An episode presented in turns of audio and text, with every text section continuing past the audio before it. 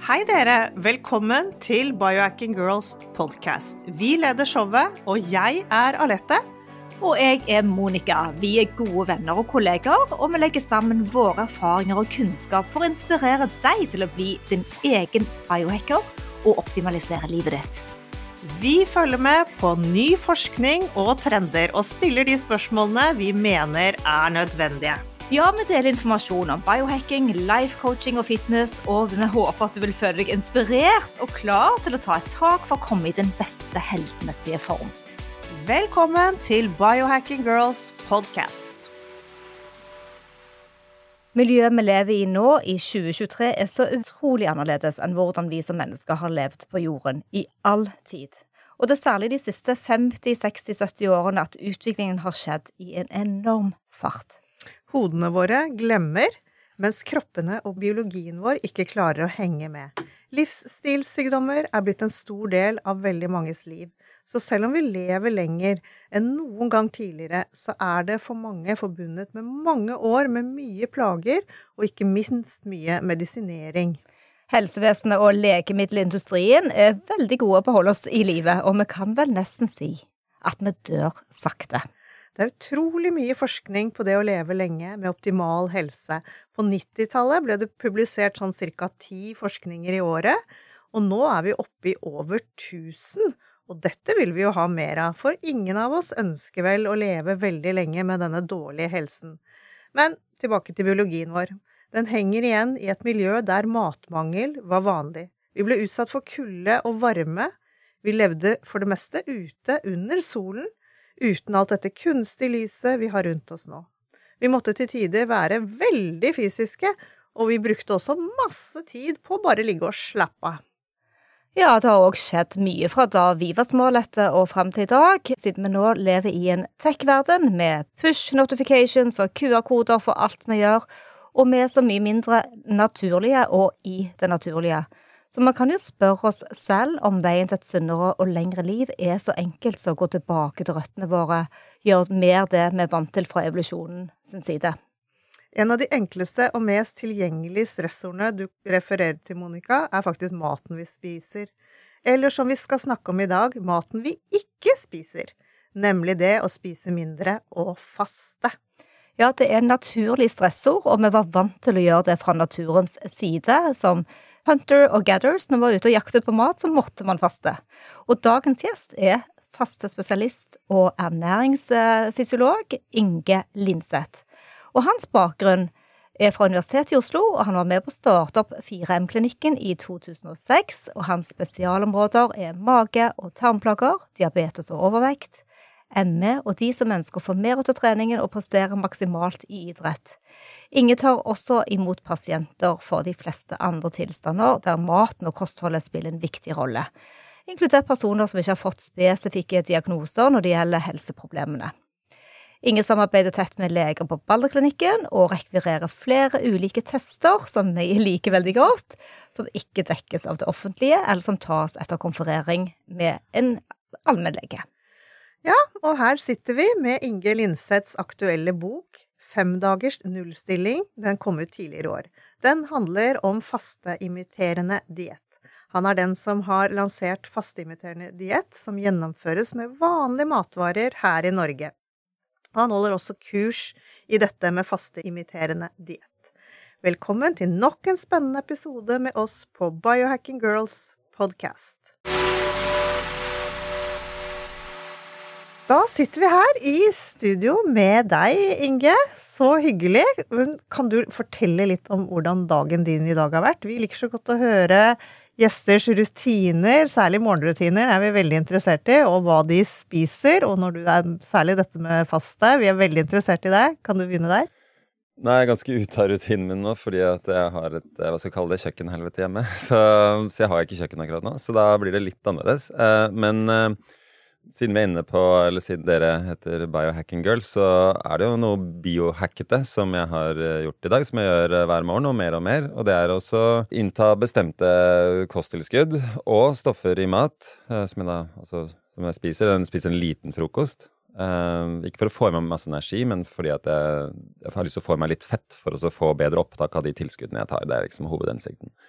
Så da er det et, uh, ganske mange forskjellige kosttilskudd som uh, Må høre. Ja, vi må høre alt. Uh, ja. Uh, da er det Fisetin, resveratrol, peterostilben. Uh, det er um, liponsyre. jeg husker nesten ikke alle. det er um, kalsium, um, alfa-ketoglutarat. Um, det er ja, altså ingefær. hva mer? ja, så det er i hvert fall noen av dem, da. Det, det er flere. Kult. Eh, Fisetin tar jeg òg av de, eh, altså, men jeg tar det ikke på morgenkvisten. da. Men fortell hva du kombinerer. Hvilken type fettkilde er det? Ja. Jo, men akkurat det, for det var det når jeg har oppdaget, eller det var en ny studie som kom nå i mars, som hinter litt om at det kan være veldig viktig å ta sånne ting som fisetin eh, og andre hormetiske stoffer, som vi kanskje kan definere, som kanskje dere har definert allerede her i podkasten, men på morgenen.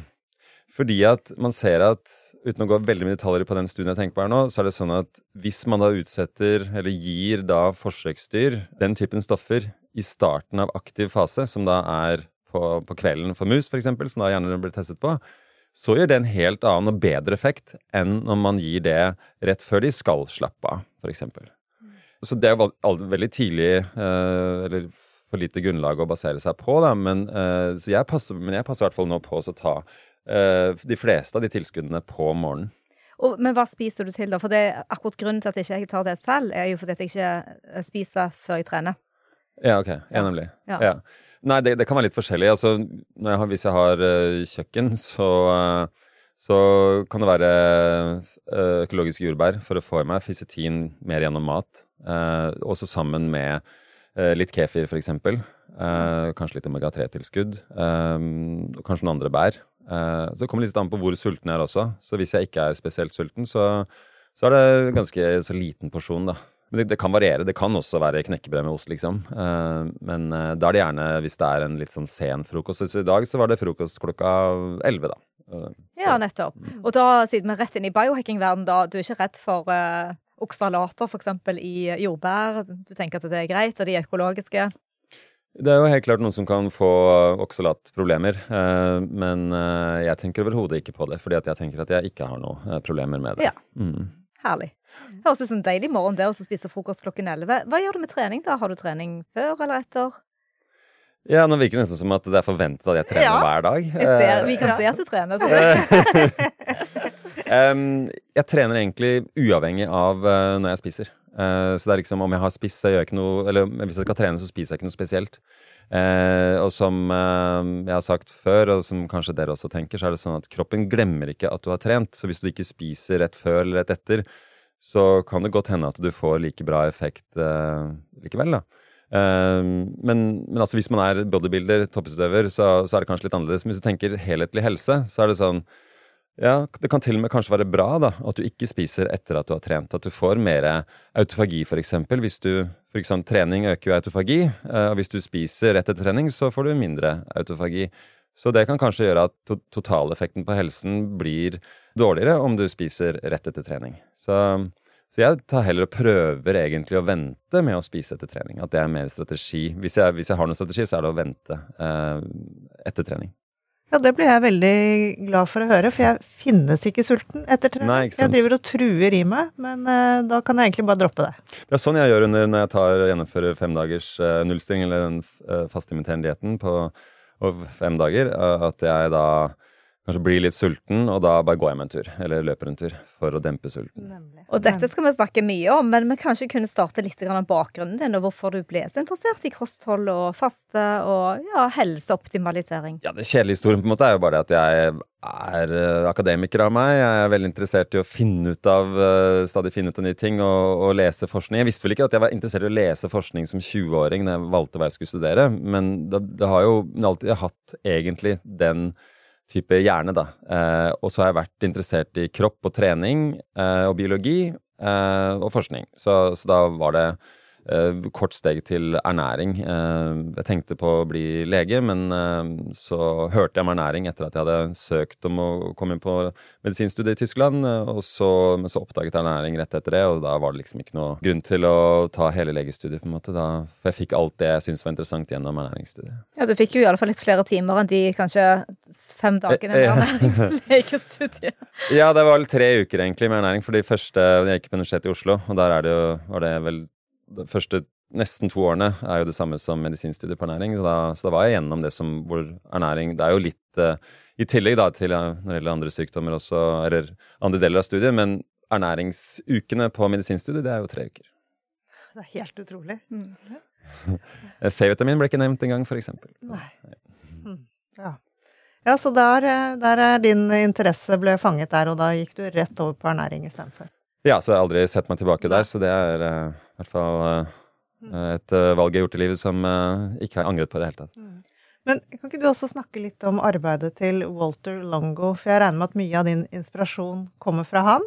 Det stemmer, og, og det er en grunn til at jeg snakker såpass mye om han, ja. fordi at han har jo gått hele løypa sjøl, på en måte, fra å forske på gjærceller, altså veldig basal forskning, til å da nå for fem-seks år siden vel begynne å uh, gjennomføre studier på mennesker. Så han, har liksom tråkket opp hele løypa sjøl på mange måter. Har selvfølgelig hentet inspirasjon, og det er mye andre funn som han har basert seg på også. Men akkurat det der med eh, koblingen mellom det å spise, ikke spise og aldring eh, og helseeffekter Um, og det med da fasteimiterende diett, at du kan spise også mens du faster, altså det er hans uh, verk.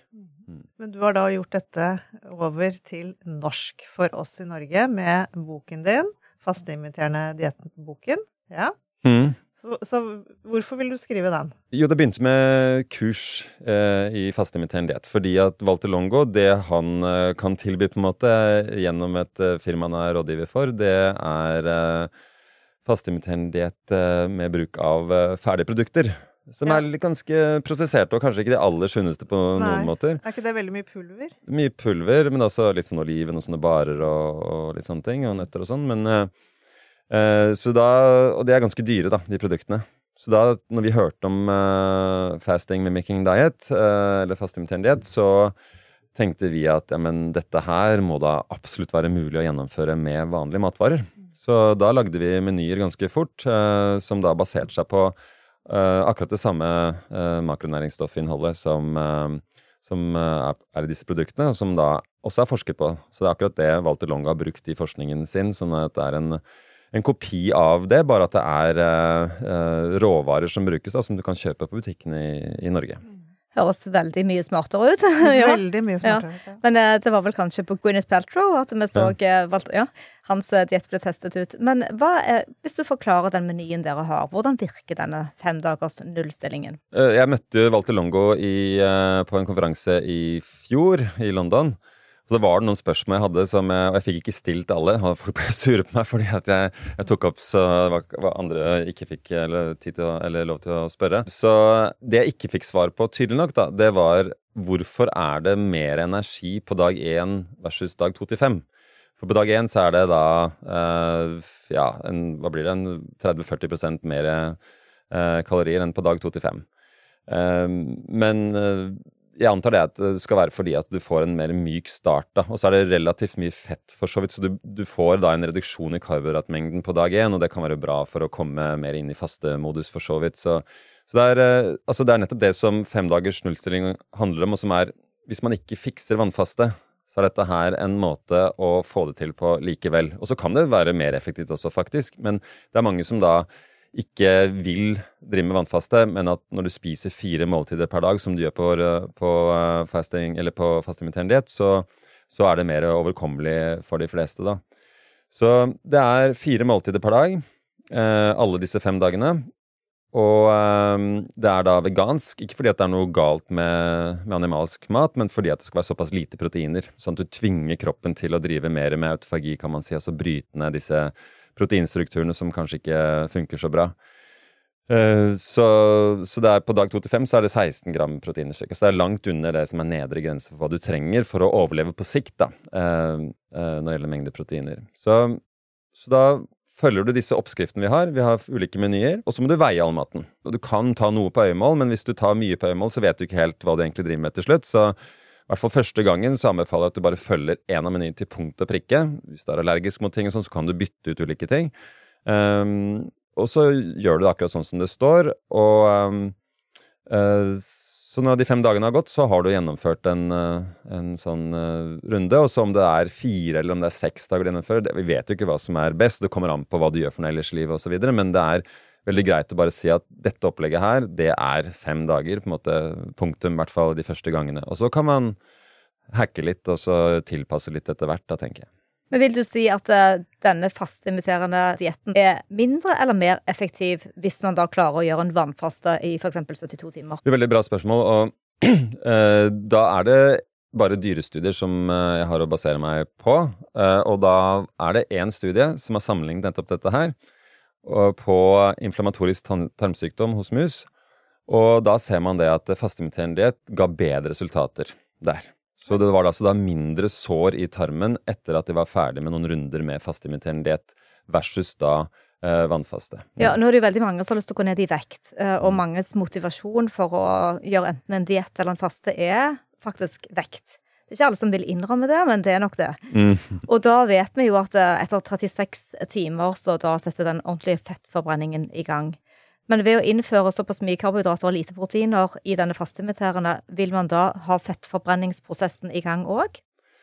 Ja, jo, man forbrenner jo fett hele tiden, med mindre man eh, kanskje driver med en, eh, en 100-metersprint. Eh, så, så det er grader av det. Så du forbrenner absolutt mye fett fra egne lagre når du driver med fastimiterende diett. Det er det ikke noe tvil om. Så det er jo fortsatt relativt lite energi, da, men det er, det er også langt ifra ingenting. Um, så, men du er ikke ketose hvis du ikke hvis du trener en del, så vil du komme i ketose også på fastimiterende diett. Men i utgangspunkt så er du ikke, keto, ikke ketose når du driver med det. og det kan man tenke, men kanskje det er uh, dumt. Men uh, når vi har i hvert fall den ene studien som viser at ja, du får faktisk bedre effekter på noen ting. Og så kan det kanskje være den switchen over til ketose, at det kan være for tøft for noen også. At det kan gi symptomer også. Så det er mye som er bra med vannfaste, og man kan gjerne gjøre det også. Og finne fram til hva som passer best for en selv. Uh, men en sånn hyggelig ting med å drive med fasteimiterende diett, som vil jeg påstå, det er at du spiser tross alt mens du er sulten i fem dager. Og det er jo det beste beste ikke sant? At du er sulten når du spiser. Og da får du et helt annet forhold til mat. Du bare setter så utrolig pris på mat. Du oppdager nye smaker. Så blir du kanskje glad i ting du ikke var så glad i før etter fasten også. Altså kål, for eksempel. Altså, I hvert fall for min del, og mange andre som sier det. Altså, når man spiser da rå kål under en faste, det er jo helt fantastisk. Det er ikke det kanskje jeg tenker at det er, eller tenkte før jeg begynte med fastimiterende diett. Nei, og jeg, jeg syns det er vanskelig å faste, så jeg ser på det som en sånn veldig fin overgang til å kanskje gjøre lengre vannfaster, det at du faktisk kan spise litt. Helt enig, for det er eh, noe med den psykologiske delen av det også. Men har du noen sånn suksesshistorier? Noen som ser dette på HRV-en sin? Konsentrasjon, søvn? Ja, særlig det med HRV har kommet en del i det siste, fordi at flere og flere har uh, fått øynene opp for det. Så det er ganske sånn Alle de som måler, sier jo konsekvent det liksom er helt magisk for uh, eh, HRV-en min. Uh, aldri vært så bra, den HRV-en. Uh, absolutt. Det er jo noen som er på kurs hos meg, og så er det noen som er pasienter hos meg. Og da er det særlig én historie som bare er helt utrolig. Og det er jo skal ikke legge alt på faste, selv om det virker som det har veldig mye med faste å gjøre. og jeg vet ikke hvor mye detaljer jeg skal gå inn i, for da kan jo det være at man gjenkjenner hvem dette er. men Eh, men det har virkelig nullstilt, for å si det sånn. Altså massevis av plager. Og det er liksom det er en sånn liste som bare var altså veldig, veldig lang. Jeg vet ikke om det var 20 punkter. Og altså nesten alt har blitt Eller alt har vel blitt bedre, og selv om ikke alt har blitt helt bra, da. Eh, så det går på f.eks. smerter, på altså revmatiske ting hjerte, kar, metabolske ting. Um, så det er mange forskjellige ting det kan ha en effekt på. Um, og mageplager, da også. Det høres uh, veldig behagelig ut. Og jeg husker da jeg gikk på pilegrimsreise til Santiago de Compostela. Da, da spiste man jo Vi gikk jo veldig mye. Og man spiste fordi man var skikkelig sulten. Det var ikke bare sånn småspising. Og vi sov fordi vi var trøtte, og vi mm. drakk fordi vi var tørste. Mm. Og det er jo litt det vi ønsker her i livet vårt, å komme tilbake til sånn, så, sånn som kroppen vår er vant til å gjenkjenne.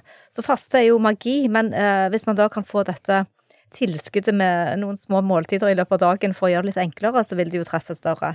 Men jeg lurer på, er det sånn at det, flere du anbefaler kanskje et par ganger i året, ser vi i boken din? Er det sånn at eh, den første gangen så får du gode resultater, og så trapper det av, eller vil man ha en konstant suksess hver gang man gjør det, hvis man har dette som et rituale, f.eks. hvert år? Det er nok veldig forskjellig, og det er en del som ikke merker så mye første gangen, f.eks. Og så etter at det, og det tredje gangen, så kan man virkelig merke effekter. Så, men det er litt sånn, la oss si at du starter på et dårlig sted med helsa di, og så begynner du å faste, og så går det mye bedre så er det sånn at da du har kommet opp på et nytt nivå, kanskje holder deg der, og så tar du en ny fasterunde fra et bra sted, så er det naturlig at du ikke vil eh, merke så mye framgang da, for så vidt. Så det er jo rent eh, altså, logisk. Så. Men det er jo noen som gjennomfører dette her Kanskje de tar nesten hver måned, og så, det, så tar de en pause, og så merker de det at ok, nå begynner jeg å komme smertene mine tilbake igjen, og sånn. Og så hopper de på en ny fasterunde igjen, og så fikser de på en måte det, da, sånn at de justerer det veldig etter symptomene, da. Mm. Men hvor, hvor ofte kan du gjøre det? Altså, Walter Longo, og det er jo ikke testet ut godt nok på mennesker sånn over lang tid, så det er mye man ikke vet, men eh, Walter Longo sier jo at ja, men kanskje bare fire ganger i år eller to ganger i år at det kan være bra hvis man ikke har noen spesielle helseplager. Men han sier også det at la oss si du har diabetes eller du har et blodsukker, insulin som du kan følge, og så går det stadig bedre og bedre, og du faster hver eneste måned. Ja, men hvorfor ikke bare fortsette hvis du stadig får bedring, helt til du er der du ønsker å være? Eh, så han sier det også, da. Men jeg må bare legge til én ting til også, med det med å vannfaste versus eh, ja. eh, fastimiterende diett. For hvis du driver med fastimiterende diett, så sliter du også litt mindre på kroppen, sånn at du kan faste lenger også. Og at du kanskje får ekstra effekter av nettopp det å holde på lenge.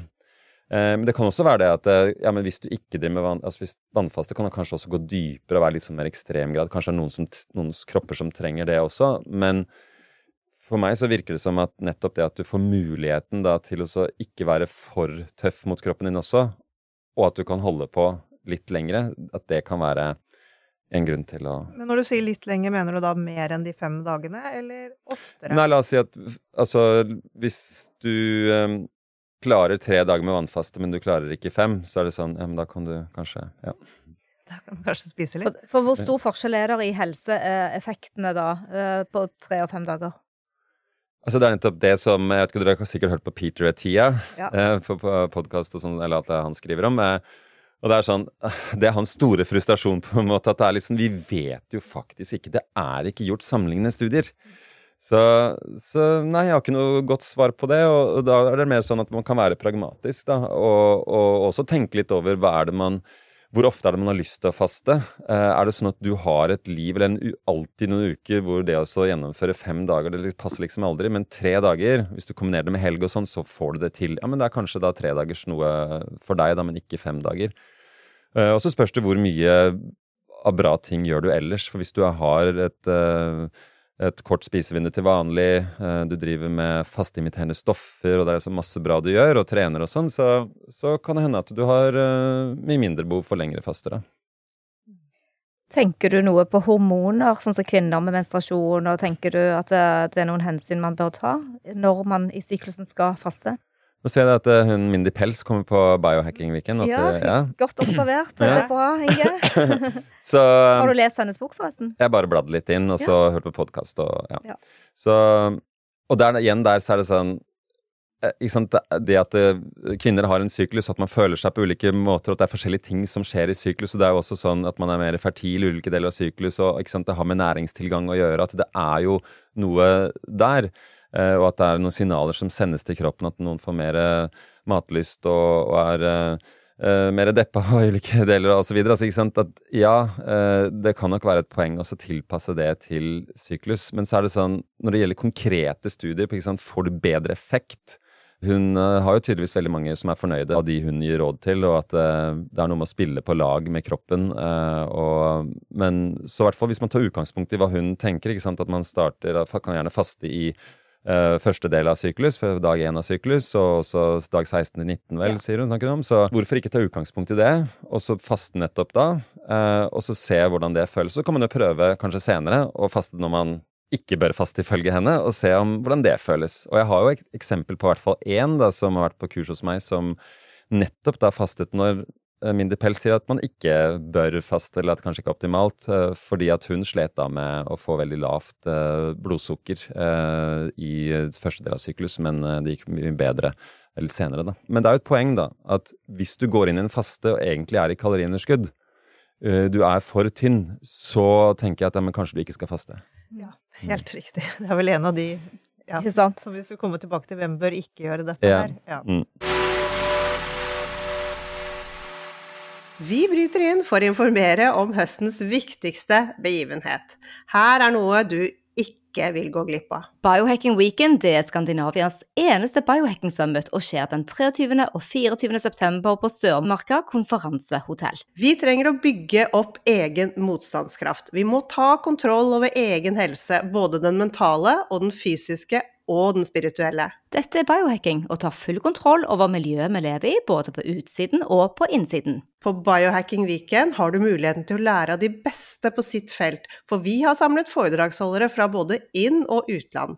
Her får vi mange års banebrytende hemmeligheter og biohacks på én spennende helg. Ja, du vil lære om faste og vekt, HRV og stress, kuldebad, pust og hormesis, mitokondriene og Alzheimer, hjertehelse, sollys og natur, skjønnhet, hud og glow, blue zones og antiinflamatorisk livsstil, hjernetåke, tracking av lipoproteiner og kolesterol, det siste innen anti-aging-forskning, omega-3, og selvsagt skal vi bruke den flotte naturen til trening, Sjelelig påfyll med kakaoseremoni, meditasjon, vi skal ha signering av bøker, og vi har rå utstillere og spennende tech labs. Biohacking tar over verden. La oss bruke den nyeste vitenskapen, ernæringen, forskningen og teknologien som er der ute til selveksperimentering. Sjekk priser på både dagpass, én dag eller full helg som inkluderer overnatting på www.kongresspartner.no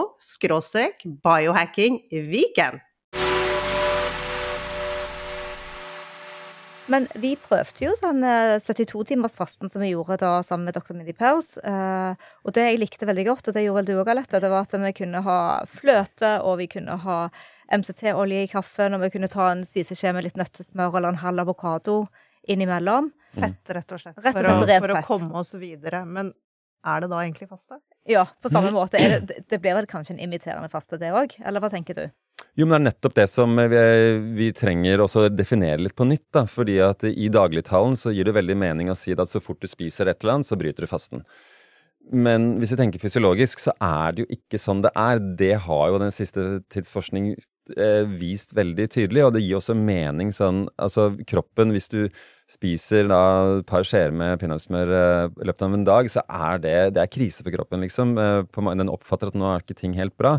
Og det er nok nettopp det at du er sulten, at du ikke får nok proteiner, ikke får nok energi, som, hvor vi kan begynne å snakke om at det blir noen faste effekter. Så, så er det ikke sånn at bare du spiser 200 kcal mindre per dag enn det du vanligvis eh, gjør, så får du faste effekter. Altså, du må jo nok ned et, godt stykke. Men det som er helt tydelig, er jo det at ja, du kan spise klart mer enn ingenting og få effekter likevel. Så, men jeg tror i hvert fall det tidligste punktet man kan snakke om at man er i fastemodus, det er når man bruker av sine egne lagre.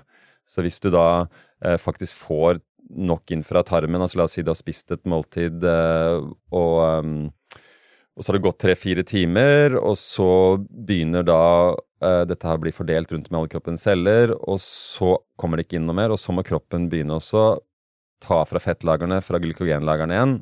Da begynner det å komme inn en slags fastefase. Og så skal det bli noen ordentlige effekter, så må du gjerne da ikke spise rett etter det men fortsette en god del timer, og kanskje i fem dager da, for eksempel også.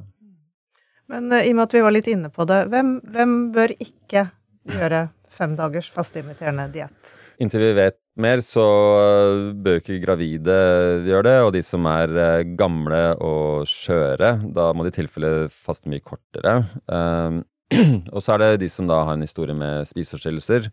Det er ikke noe poeng å begynne med, med noe sånt da. Og, men samtidig da, så er det sånn, når det gjelder det eh, forholdet til mat, da, eh, så er det jo mange som kan få et bedre forhold til mat, og få et mer avslappet forhold til mat, nettopp ved å drive med tidsbegrenset spising, f.eks., og også ta en eh, femdagers fasterunde, hvis de er liksom litt sånn at de har et komplisert forhold til mat. Men eh, det kan også bli litt for mye veiing for noen også på, på, på fastimiterende diett, Men, eh, men det er også veldig trygt å faste. I hvert fall hvis man gjør det Det høres som veldig reklamete, da, men på fastimiterende diettmat, for da spiser du faktisk noe under fasten, og så, da trenger du ikke å være redd for refeeding syndrome, f.eks. Det kan jo være et problem uh, hvis du da er på en fem-ti dagers faste, eller jo lengre det går, og hvis du da bryter fasten ved å spise masse med en gang, da kan du faktisk dø. Men det skjer ikke på fastimiterende diett. Du, La oss snakke litt om hormoner, leptin og grelin òg, og hva som skjer med cravings og sultfølelse etter man er ferdig. Har du noen tanker rundt det? Eh, det kan gå litt sånn begge veier, og det som jeg virkelig poengterer, da, det er at ja, du vil gå opp i vekt etter at du har eh, Du bør gå opp i vekt etter at du har gjennomført en eh, faste. Det er jo mye vann du binder der, i hvert fall det forklarer noe av det. Så man må ikke fortsette med en slags halvfaste etter at man er ferdig med fasten, da skal du faktisk markere overfor kroppen at nå bryter du fasten, og så skal du spise deg mett. Og det er mange som ikke er så sultne heller etter en faste, faktisk. Jeg er nesten litt sånn skuffa. Tenker at nå skal det bli dritgodt, man skal spise masse mat.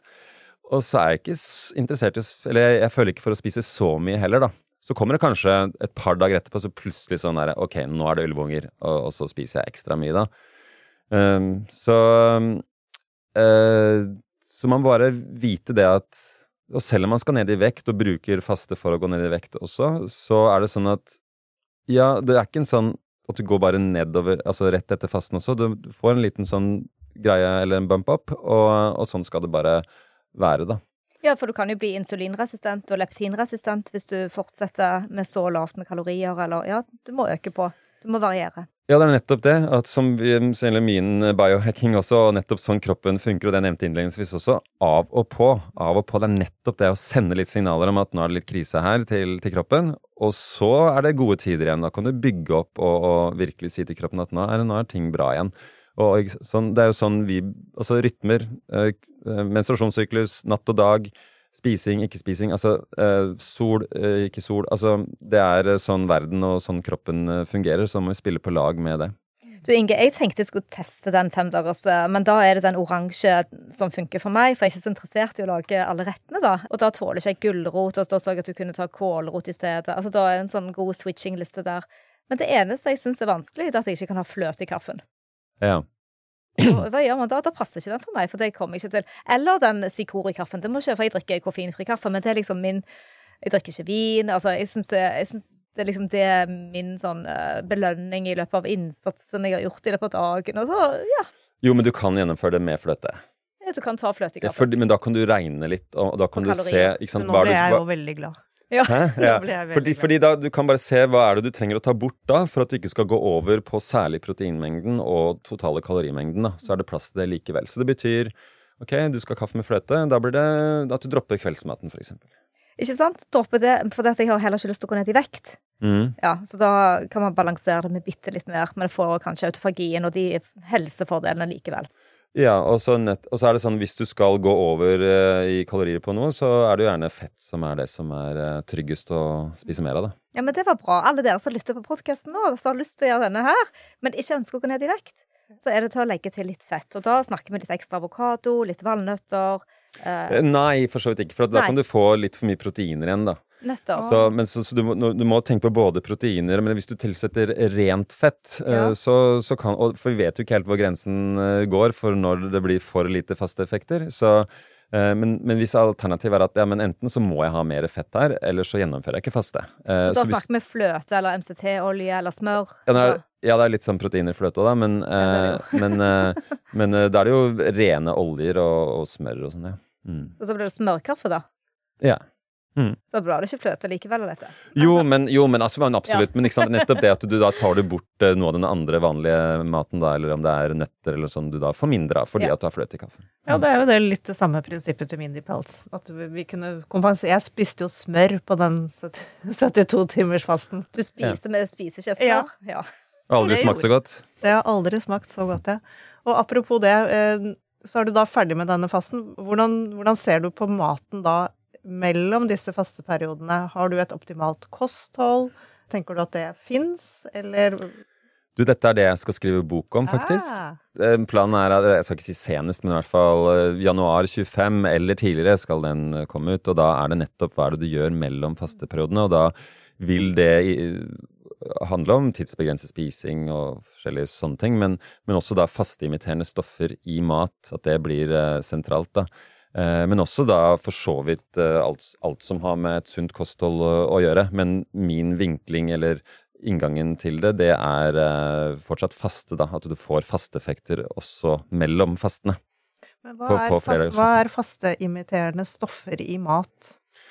Eh, Et annet ord som man kanskje kan bruke, er calorie restriction mimetics, som kanskje er mer eh, kjent eh, for dere. Så eh, du har jo da ulike stoffer som, eh, som Det er veldig biohackete. At det, eh, at det virker inn på bestemte eh, reseptorer, bestemte steder, kan man si, i cellen. Eh, F.eks. mTOR. At du har eh, spermidin som eh, ser ut til å påvirke den eh, reseptoren der, som også faste påvirker. Eh, så ikke sant, når man faster, så blir det eh, mindre aktivering av denne reseptoren her, og så får du mer autofagi. Og så kan du bruke da ulike stoffer i mat for å få samme effektene. Eh, men det går ikke bare på um, mTOR og, og økning i autofagi. Det er også da økning i sirtuiner og NAD, som sikkert flere her har hørt om, som lytter til dere. Så da har du Altså, ikke sant, I jordbær så har du fisetin, for eksempel, eh, som der er sånt som kan øke da eh, mengden sirtuiner. Altså berberine, for eksempel. Ja, det også, ja. Mm, Ja, eller uh, dihydroberberine. Ja. Mm. Så det er, det er noen ting du må nesten bruke kosttilskudd for å få virksomme mengder av. Eh, at du ikke klarer å få nok av det gjennom, gjennom eh, maten. Men eh, Og så har du da når det gjelder NAD, dette energimolekylet, Mm. så er det Det er ikke bare å tilføre NAD for å få best mulig effekt. Det er å faktisk da sørge for at det ikke blir brutt ned for mye NAD, og at du kan resirkulere da NAD. Så da er det flere stoffer som kan virke inn der. Vanilje, eksempel, kan ha noe å si. Og quercetin og rutin. Som fins da mange forskjellige matvarer, som, eh, som eh, løk og kapers og ja, forskjellige Og persille og sånn. Du har sikkert lest uh, boken til Joel Green. Uh, ja. Nei. Faktisk ikke. Nei, ja. For det, han er jo helt i din gate hvis du skal skrive bok om dette. Um, Ja, det må jeg notere meg. Ja, Mm. Han kom også på Biohacking Weekend, så fikk vi reklamert for det igjen. Ja, ja, ja.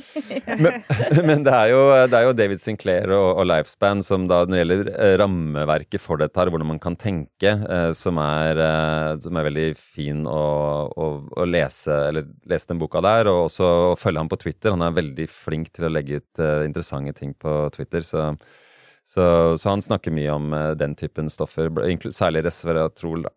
Absolutt. absolutt. Eh, er det noen tilskudd eh, du ville tenke er ja, gode eh, anbefalinger i forhold til dagens kosthold? Hva trenger vi? Når det gjelder tilskudd? Ja. Um, ja, jeg, vil jo si at uh, prøve, prøve å få dekt mest mulig gjennom vanlig mat. Så, så da er det jo en matvare da, som kanskje ikke så mange bruker, som er, eh, inneholder masse bra stoffer. Det er kapers. Så det vil trekke fram det. Og så hvetekim. Der er det mye spermidin. Men når det gjelder da ulike tilskudd som uh, trengs fordi ikke man får da i seg nok av det gjennom mat, så, så er det jo peterostilben og resveratrol uh, er noen viktige. Og også veldig interessant da med de studiene som har kommet til siste på alfa-ketoglutarat uh, og malat. Ja, så det er noen. Du gjør en del testing. Kan ikke du fortelle oss litt om hvilke typiske tester eh, du ville rekvirere, som man selvfølgelig må betale selv, da, som man ikke får, og hvor du sender de hen? Er det Lab 1 du jobber med, eller type tester når du har klienter? Jo, det er mange forskjellige tester som jeg har i repertoaret. Sånn, jeg bruker ikke så mye tester nødvendigvis. Jeg jobber mye med kosthold og få kosthold at det funker for den enkelte i hverdagen. At det er veldig mye der, da. Eh, Men hvis vi snakker om effekter av faste og fastimiterende diett, så, så er det IGF-1 kan være en litt sånn spesialtest på en måte som man, som folk, som man kan ta i Norge, da. Men ellers er det ikke så mange spesifikke tester når det gjelder faste effekter. Men hvis vi snakker om eh, helse generelt, så er det jo en del altså sånne feses-tester som man kan ta, som vi bruker litt. Um, Hva finner du på disse testene? da får du et generelt inntrykk av om det er dysbiose i tarmen. da. Uh, om uh, du har uh, mye av bakterier som man kanskje ikke bør ha så mye av, og også andre mikrober. Eh, parasitter og sopp osv. Så, videre. um, så det gir et Hvis du har mageplager og, har vært på eliminasjonsdiett, du har gjort en god del ting og finner liksom ikke ut av det, og så er det Da er det tenker jeg fort på hvordan står det til med, med, mikrobene i tarmen. Og da, for å komme litt videre da Og det er jo ikke noe sånn man kan bruke diagnostisk, men hvis alt ser ut til å være helt gærent der, liksom, så er det sånn ok, kanskje skal prøve å jobbe litt ekstra med tarmfloraen. Uh, mens hvis alt er helt fint, så kan vi kanskje fokusere på litt andre ting. Så det blir litt sånn grovsortering, uh, kan man si. Og så kan det være noen ganger at man finner noen helt bestemte mikrober som gjør at man da tilrettelegger behandlingen på en bestemt måte. da. Wow. masse, det er masse å ta tak i, helt klart. Masse, masse uh, og òg uh, det som vite, for eksempel, uh, ja, de vanlige blodprøvene D-vitamin. Altså sånn, ja, basic. Vi er jo veldig fan av å ta både spermidin tar vi, og omega-3. Er veldig mye ute i solen for å få naturlig sollys. Nå som det er så utrolig mange som spiser veldig mye ultraprosessert mat, og så tenker de oi, denne dietten vil jeg veldig gjerne prøve, denne fasteimiterende. Men det kan vel kanskje være litt dumt å gå rett på den?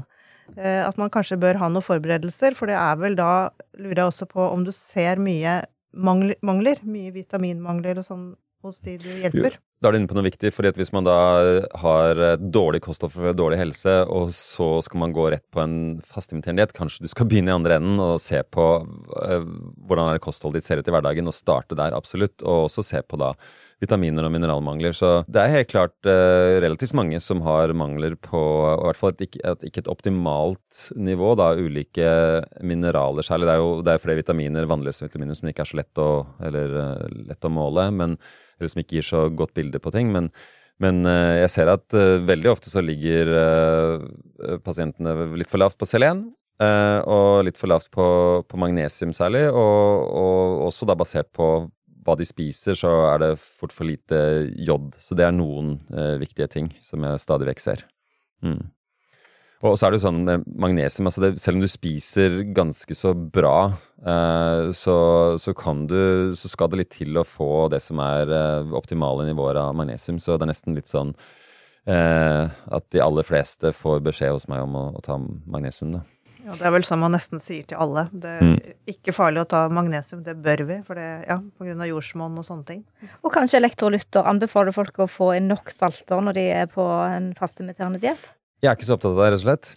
Um, og, um, og, det er litt fordi at altså, når det gjelder studier på det der, får du noe bedre effekt, får du noe reduserte symptomer, uh, så er det ikke så, og så er det sånn at du også du skal salte maten på fasttimetrening. Du får også i, det, i deg en del uh, av disse elektrolyttene når du spiser maten uh, på fasttimetrening diett. Eh, så men jeg sier i hvert fall at og der, så lager du maten fra bånda også, sånn at du, jeg sier at de skal salte maten, men ikke at det skal være noe sånn spesielt fokus på å få i seg elektrolytt, altså ta noen bestemte tilskudd og sånn, bortsett fra da vanlig bordsalt og, og, magnesium for så vidt. da. Dette med lettprodukter, det har jo selvfølgelig Heldigvis så er vi mer oppmerksomme på det nå, men det har jo vært flere tiår hvor lettprodukter har vært en god erstatning fordi man trodde at det var bra. Både for diabetikere og for helse, for eh, vektnedgang og Men lettbrus og alle sånne ting som har null kalorier. Hva tenker du om det rundt, eh, rundt denne dietten din? Det er litt mer, litt mer, sånn filosofi, da. At du gjør, eh, gjennomfør denne fasten her så ren som mulig. Bare få bort alt mulig. Liksom. Hvorfor er det sånn at du har behov for eh, noe søtt? Eh, kanskje du skal være litt bedre kjent med, eller utforske det litt mer, da, hvorfor du egentlig trenger det. Men hvis det er noen som da sier at ja, men jeg, jeg, må ha noe å kose meg med, jeg må liksom ha med den Pepsi Max-en. Så er det sånn at jeg, jeg sier ikke at jeg kan, jeg kan, ikke påstå at det vil ødelegge alt, eller noe sånt. Det, det kan jeg ikke si heller. Så, så, så, jeg, sier ikke at det er sånn superviktig, men jeg anbefaler alle å, alle å ha en uh, så ren faste som mulig, da. Ja, så går du inn i denne litt mer emosjonelle og filosofiske delen av det òg. At du blir mer bekjent dine egne cravings eller behov eller uh, ting du har lyst til å jobbe med i deg sjøl? Ja, det er nettopp det som er så interessant, og som har vært en sånn ikke, Det var jo ikke det jeg tenkte på når jeg startet med kursen i fastimiterende og, og, skrev boka for så vidt heller, men uh, det er uh, så mange reiser da, som folk er gjennom når de faster. jeg fikk jo da Jeg var jo på Jeg vet ikke om dere var på Frida, et sånt event. da ble jeg intervjuet der. og, og og da viste jeg fram en sånn melding jeg hadde fått på Instagram hvor det var eh, eh, masse emojis og sånn, fordi det var da noen som hadde gjort dette her sammen med kjæresten, sammen med samboeren. Eh, og det var bare Det var eh, masse oppturer og nedturer. Det var gråt og latter, og de ble bedre kjent med hverandre. Og det var til syvende og sist en veldig sånn styrke for forholdet. Så, så, det kan man uh, gjennomføre tidlig i et forhold for å avhøre litt om uh, man egentlig passer sammen eller ikke. Sette, eller sette en standard for ja. hvordan du skal ha det. Ja, ja, ja. skal vi ikke snakke litt om trening òg i denne faste perioden, Alette, siden vi to er trenere? Det er vi jo veldig interessert i. det. Kan vi fortsette å trene selv om vi går på fasteimiterende diett? Ja, noen konkrete ting der. F.eks. det med styrke. Så er det gjennomført på fasteimiterende diett. Eh, og unge gutter, tror jeg det var, eller menn, eh, som da hvor de fikk målt styrken eh, sin på siste dag av fem dagers faste, og også noen dager etter. Og da så de det at det var ikke noe forskjell i styrke på mens man fastet, da også etter at man fastet. Og de gjennomførte vel også samme mengde trening mens de fastet, da. så, så er det jo hva man føler for selv, og hva man føler at man takler. Det kan hende at man er litt overrasket over seg selv også, at man faktisk orker å trene mye mer enn det man trodde. Eh, men for de som gjennomfører for første gang, eh, så vil jeg si ta det litt rolig. Eh, og kanskje ikke ta de hardeste øktene og gå mer turer. Og løp rolig eller sykler hva du nå driver med. Men det er jo flere som trener, har styrketrening og trener masse, og det kan gå kjempefint, det. Og så, og så kan du få god effekt av det også. Men la oss si du skal ha, og du driver med konkurranse, så er det ikke sånn Jeg ville ikke gjennomført en sånn fastimiterende diett sånn eh, en uke før du skal være med på viktig konkurranse, da vil jeg tro at det vil gå litt dårligere sånn for gjennomsnittspersonen. Men det vet jeg ikke helt. Nei. Men man mister i hvert fall ikke muskelmasse av dette her, for det er såpass kort tid at det har ingenting å si. For det er jo lite proteiner. Ja, altså det kan nok hende at du vil måle, hvis du får målt veldig godt hvor mye muskler har eller eh, proteiner eller muskelmasse har du i bicepsen din da, eh, på eh, dag én av fasten eller før fasten, også på dag fem, så vil du kanskje kunne måle at det er mindre. Men har du mindre funksjonelle muskler? Det ser det ikke ut som, da. Og hva skjer også etter at du er ferdig med fasten? Er det sånn at du nettopp har drevet med ekstra mye autofagi, og at du uh, kan få ja, mer funksjonelle muskler, og at du raskt går opp igjen den, uh, muskel, uh, til den muskelmassen du hadde før, eller kanskje enda mer, da. Så, men du skal tape noe proteiner under fasten, og så spørs det også hvor er disse proteinene tas fra? Er det selve da, det, det, det, som gjør at du er sterk, eller i musklene, eller er det en del andre proteiner som det ikke er så nøye at du mister, på en måte? Så så det kan jo hende at du taper muskelmasse, på en måte, i hvert fall litt. Men eh, det igjen så kan dette her være disse søppelproteinene som egentlig ikke gjør at musklene funker så bra. Siden vi er inne på temaet, så hadde det vært litt spennende å høre hva du tenker om aminosyrer og tilskudd. Det har ikke så mye forhold til, uh, egentlig. Det er ikke noe jeg gir noe særlig råd om uh, heller. Var det noe spesielle for, Bortsett fra da cystein, ja. som jeg gir råd om under uh, Og det er en del av Fasting Mimicking Diet også, disse produktene, så, som også er en del av boka. fem dagers nullstilling. Og, så da ser det ut til at det kan kanskje øke fasteeffektene og innta da aminosyren cystein på dag to til fem. Ja, flott. Mm. Ja, men det var svar, det.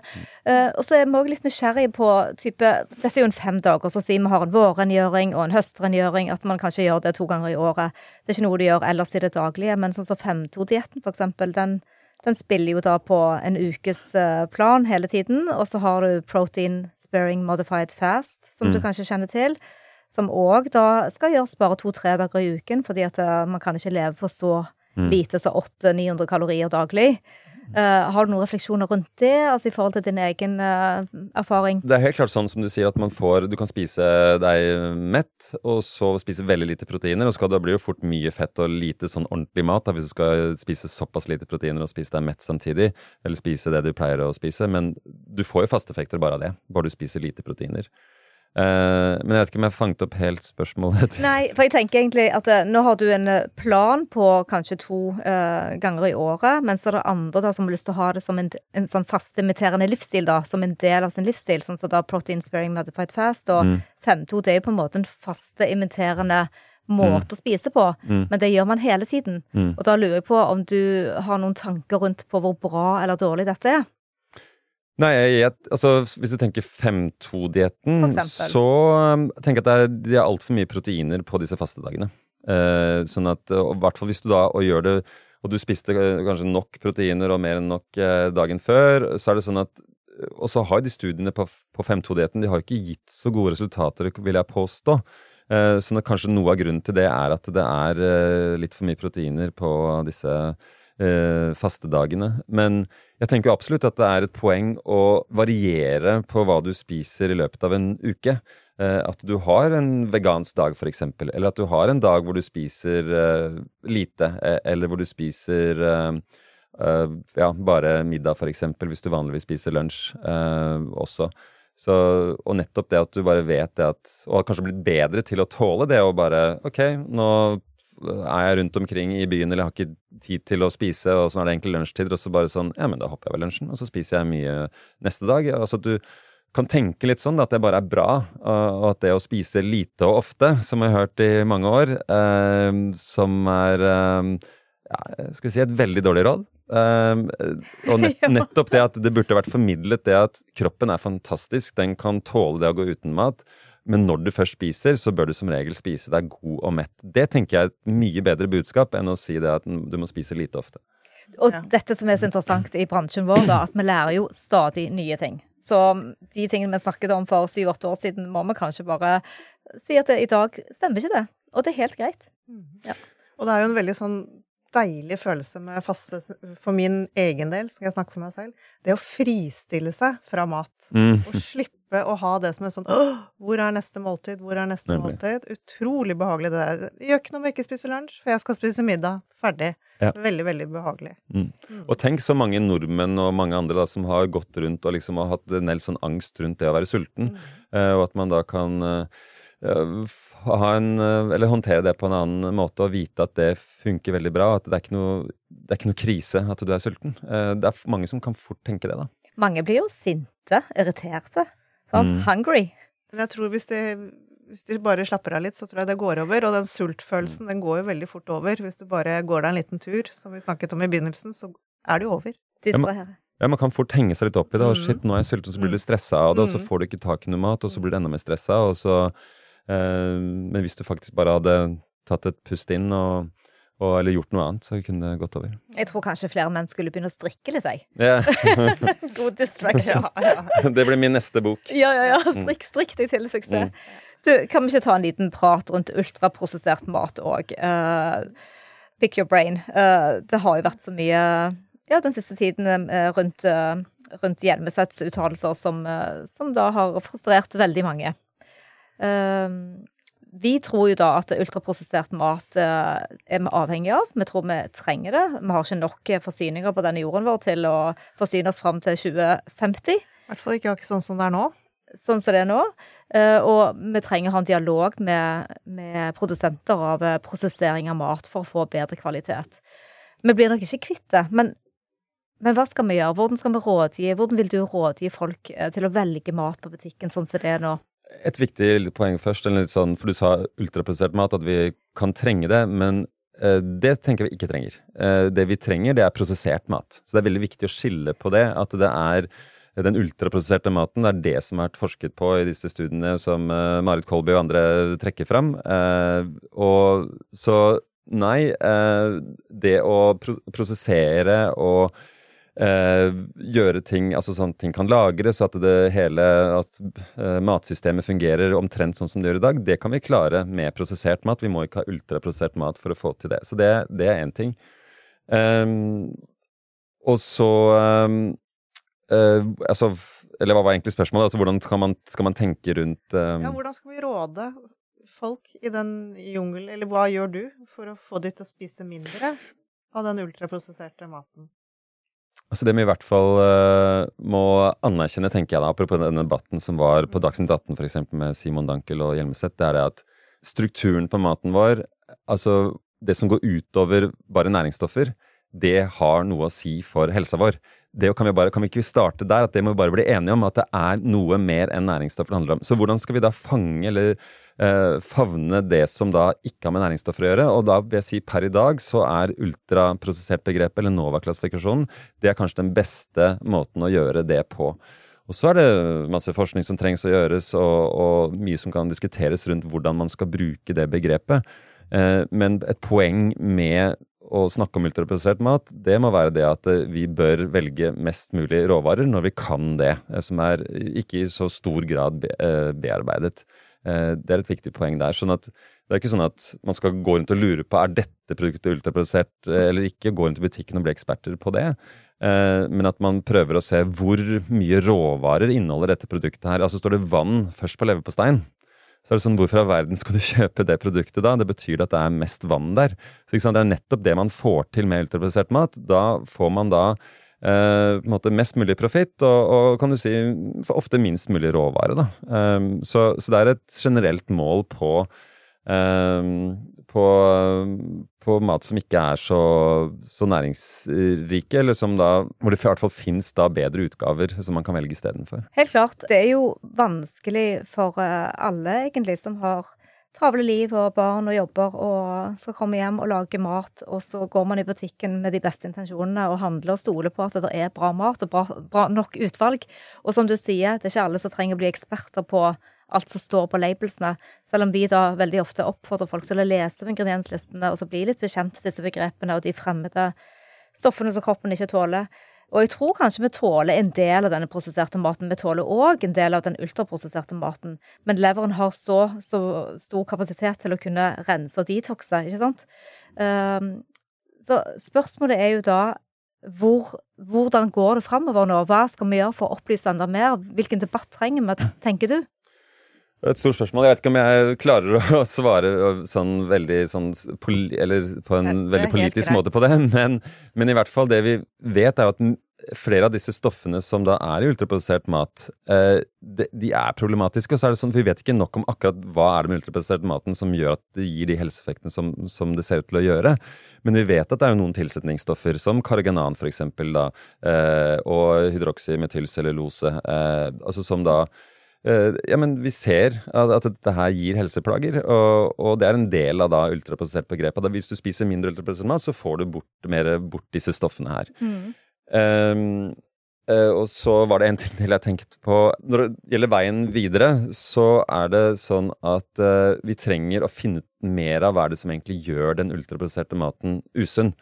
Sånn at uh, ja, vi vet ikke nok om de biologiske mekanismene nå per i dag, men det vi vet f.eks. er jo det at når man spiser ultraprodusert mat, eh, så spiser man automatisk mer. Det er den der kjente Kevin Hall-studien. Eh, da, hvor man da Det var ikke forskjell på sukkermengde, det var ikke forskjell på proteiner og karbohydrater og sukker og salt. Alt alt det her var likt.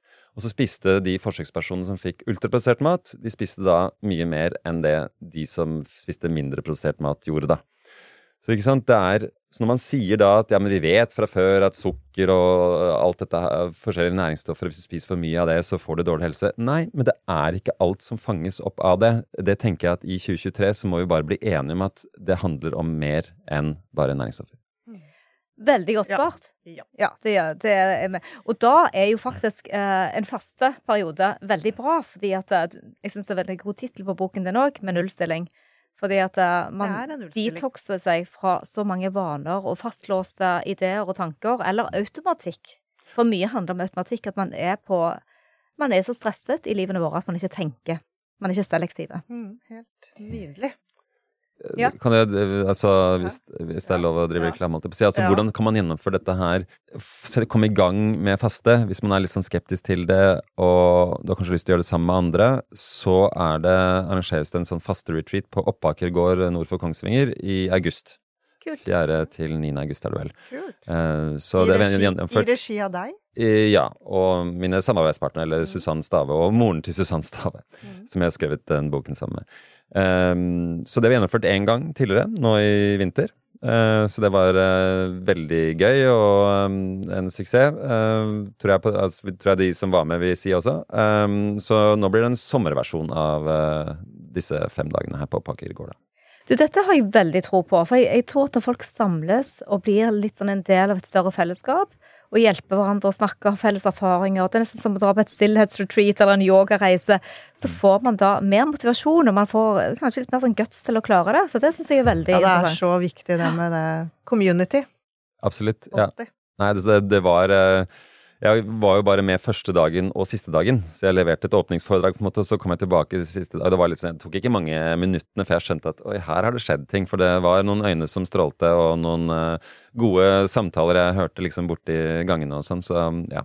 Det var uh, noen som hadde noen veldig fine dager der. Så herlig. Sånn helt til slutt eh, her, Inge. Har du noen Ja, vi anser jo nesten deg som en biohacker, da. Har du noen kule biohacks du kunne tenke deg å utforske nå framover? Altså, er det noe du ikke har gjort, som du har lyst til å teste? Sånn personlig, mener Ja. du? Jeg har lyst til å måle hvilken effekt de tingene jeg gjør, har.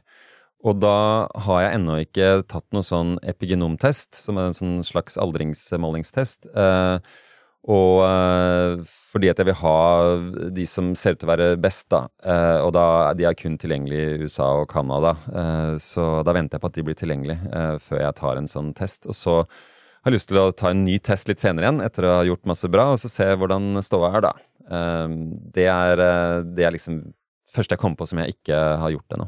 Ja, Vi er jo veldig opptatt av målinger. If you can't track it, you can't hack it, Stine. Mm. Så, uh, og en sånn in-body scan-test, det har du sikkert tatt Mm, det har vi på klinikken. Mm. Ja, ikke sant? Men jeg kan jo legge til liksom, hvorfor er dette med epigenommåling? Altså, det er den målingen som alle snakker om nå på en måte for å se på biologisk alder. Og nettopp i epigenomet så ser det da ut til at det er nettopp der selve aldringen ligger. Så hvis du kan få, eh, få nullstilt epigenomet ditt, eh, og det får man ikke til bare med mat eller fastel og sånn, det får ikke gjort det nok i det hele tatt per i dag.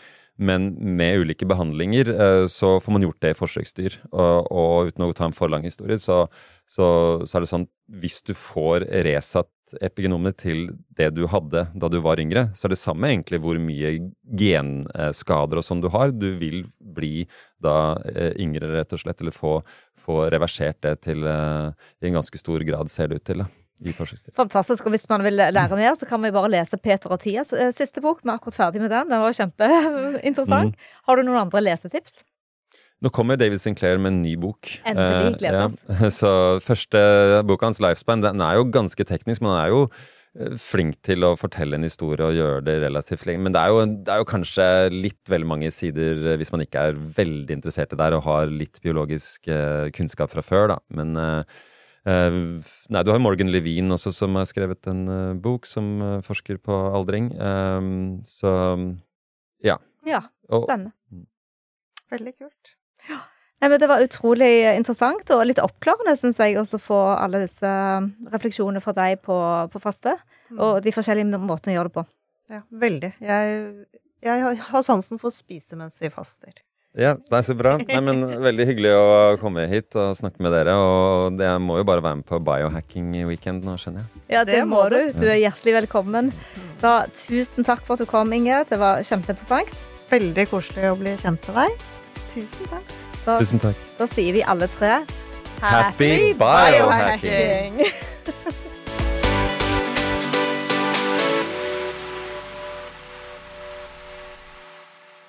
Vi minner om at dere må snakke med egen lege eller kostholdsveileder om dietter og andre spørsmål relatert til medisiner og supplementer. Informasjon vi deler, kan ikke bli brukt til å diagnostisere, behandle, forebygge eller kurere noen sykdommer eller tilstander. Har du et enkeltpersonforetak eller en liten bedrift? Da er du sikkert lei av å høre meg snakke om hvor enkelt det er å sende faktura med fiken. Så vi gir oss her, fordi vi liker enkelt. Fiken superenkelt regnskap. Prøv gratis på fiken.no.